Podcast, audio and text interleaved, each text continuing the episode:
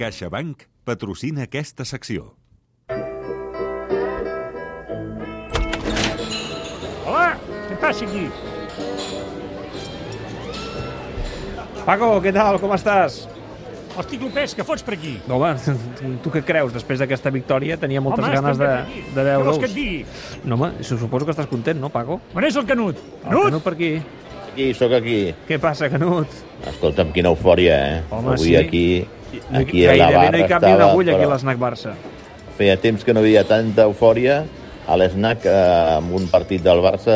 Mira, Clopés, un conyac de Carlos V tinc. No, no, un conyac a aquesta hora no. Ara no.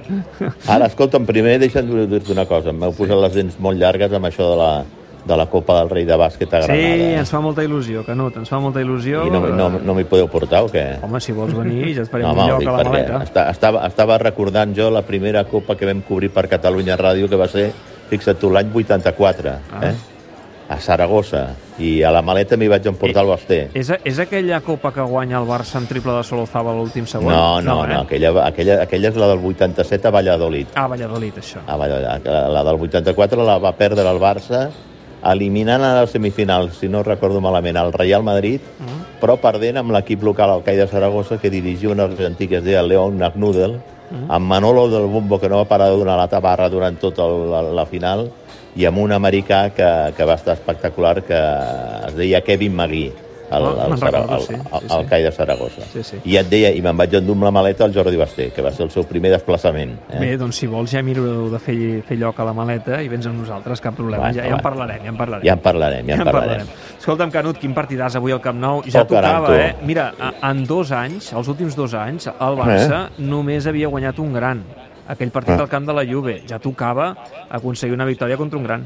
I, la, i de la manera com s'ha aconseguit Sí. la victòria, perquè a més a més el partit de, de, de bones a primeres s'ha posat difícil, s'ha posat de, de, de, del, del millor escenari que podria patrem de l'Atlètic de Madrid, amb un gol per davant, amb, amb el gol que ha fet eh, Carrasco, a assistència de Luis Suárez, i aleshores tots els fantasmes han aparegut en aquell moment, no?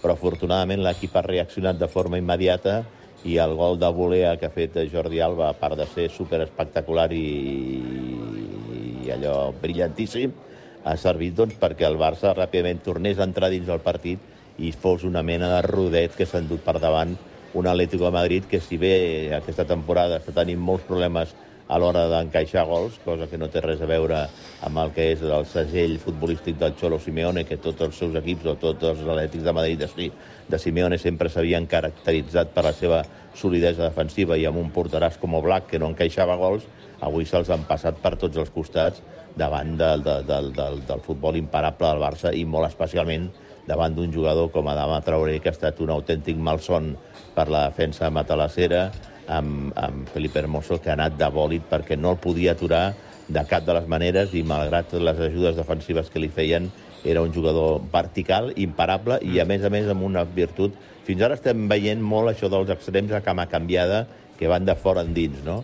I en canvi Adama Traoré obria, obria el camp, però és que a més a més arriba a línia de fons i penja unes centrades boníssimes, no? I d'aquí han vingut els dos primers gols del, del, del, del Barça i bona part del, del perill ofensiu de l'equip. És l'obsessió de, Xavi Xavi, ell hi ha insistit moltíssim, que ell vol jugar amb extrems oberts, que, que, que vol que facin això, és clar. Sí. Adama, pel seu perfil, eh, aquest plantejament li va com anell al dit. Sí, sí, extrems oberts, però sobretot que t'arribin a línia de Sí, fons sí. i aleshores facin aquestes entrades que tenen que, que ve la pilota amb avantatge pel davanter que arriba a cara, no? Si, si l'extrem et juga a cama canviada, que es fica cap a dins, aleshores no dona l'amplitud que, que hauria de donar al, al joc de, de, de, de, de l'equip, no?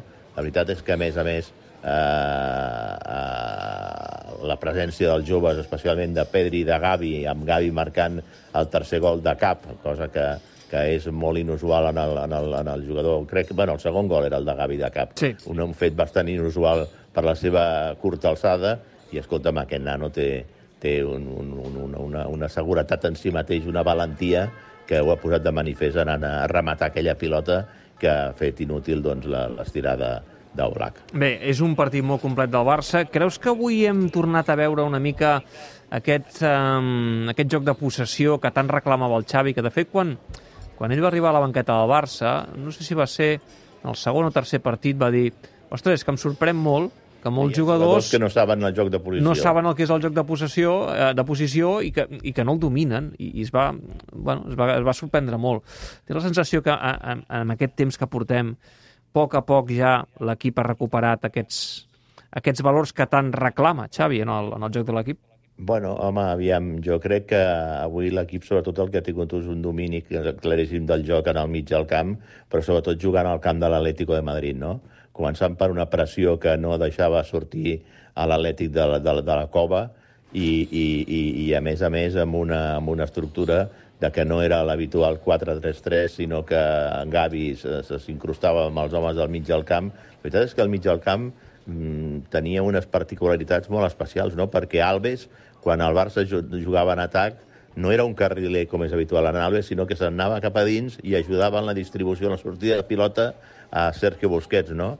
I, i després jugàvem com una mena de línia de, de mitges puntes amb, amb Pedri, en Frenkie de Jong i el mateix Gavi, i després amb Ferran Torres, que, que no és del tot allò un davanter centre d'àrea, mm. que, que, que ha jugat allò amb llibertat de moviments, amb la qual cosa els centrals de l'Atlètic tenien problemes per fixar les marques, però, però insisteixo, el desequilibri que ha portat a l'equip la presència de Dama Traoré ha estat impressionant, i bé, i hem vist avui que feia temps que no, no veiem una versió molt bona de Jordi Alba, no? després d'estar sí. allò en el punt de mira de molts, eh, Jordi eh, ja Alba... has vist la celebració, en tenia ganes. Tenia ganes. Home, i tant. No, va, primer perquè ha estat un golaç, però segon perquè, com tu bé deies, en tenia ganes mm. i, i, i moltes de, de, de fer un gol com aquest en el Camp Nou i a més en un dia com aquest amb l'estadi ple a rebentar. Mira, bones notícies pel Barça també, perquè ara sí. mateix s'acaba el partit del Betis i Pere Escobar, eh, confirmem derrota del Betis, eh, el Barça per tant es col·loca només dos punts del tercer, que és l'equip andalús. Eren dos equips que jugaven molt bé el futbol, el Betis i el Villarreal. Eh,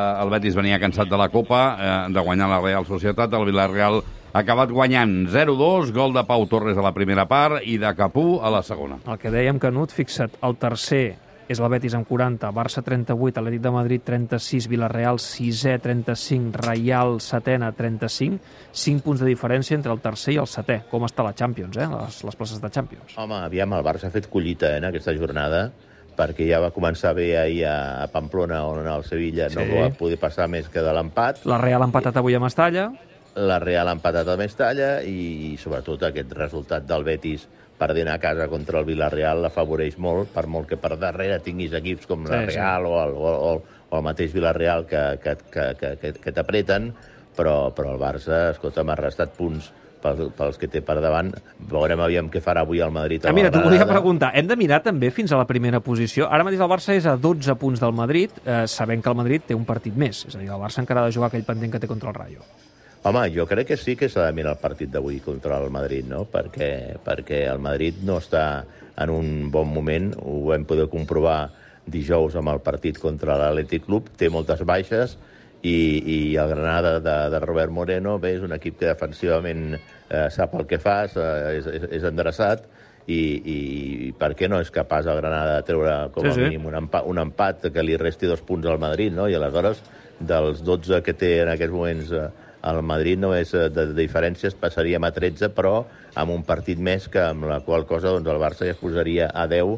Tot el que pugui ser-li mica en mica restar punts i arribar doncs, dintre d'un parell o tres de jornades a ficar-te per sota dels 10 punts, aleshores començarem a creure amb el que creiem que era impossible fa unes setmanes, que és que el Barça mm. podria lluitar pel títol de Lliga. Però vaja, anem a pams. Sí, el sí, primer sí, que s'ha de fer és assegurar la Champions i la cosa ha pintat molt bé aquest cap de setmana, però sobretot no perquè hagin ensopegat els altres, sinó perquè tu has fet un partit molt bo, tu comences a, a dependre del que facis i, i amb això és amb el que ens hem de, de, de quedar, amb aquesta, amb aquesta reacció tan bona després del mercat d'hivern de l'equip de Xavi Hernández. Una última cosa, tema Dembélé. Um, el volia fer jugar, ha dit Xavi, eh, a la segona part. El que passa que ja l'han xiulat a l'escalfament. Um, ja. Creus que tot aquest tema um, fa bé, Xavi, de, de, de comptar amb ell, de tenir-lo com un mes, malgrat no pugui tenir els no, galons, potser la jerarquia. El, el, el problema de Xavi és que s'ha quedat, eh, per molt que hi ha nou davanters,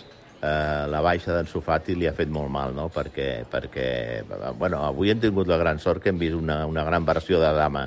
Si continua, si continua així la fletxa de l'Hospitalet, doncs eh, no caldrà gaire la, la, la, la presència de Dembélé. Mira, jo m'he recordat tots aquests dies amb aquest episodi de Dembélé amb el que va passar amb Luis Milla, i això el Pere se'n recordarà perfectament.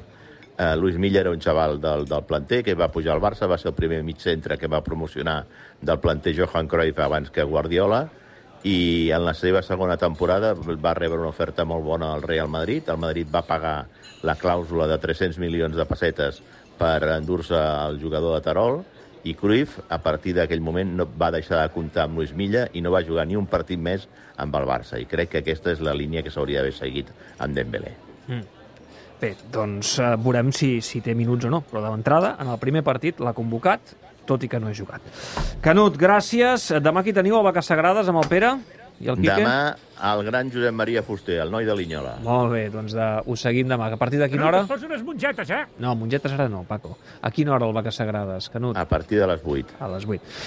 Una abraçada, Canut. En, en, doble, en doble edició, a les 8 i després de 10 a 11. Doncs fantàstic, ja m'ho apunto a l'agenda. Vinga, nanos, que vagi bé. Escolta, Adéu. Clopés, aviam si pagues algun dia això. Sí, ja ho sé, algun dia pagaré. Tu ves- no, tu no ves pateixis. apuntant, tu ves sí, apuntant, apuntant. Adéu, Paco. Vinga, que vagi molt bé. Adéu. Adéu. Hosti, Miquel, ventila això una mica. CaixaBank llança My Home. Per primera vegada, pots tenir tot el que casa teva necessita en un mateix lloc. I fins a l'1 d'abril de 2022, emporta't una targeta regal de fins a 500 euros. 50 euros per cada nou producte que contractis dels que s'inclouen a la promoció, amb una contractació mínima de dos productes. Per fi a casa. Per fi, My Home. Informa't a caixabank.cat. Catalunya Ràdio.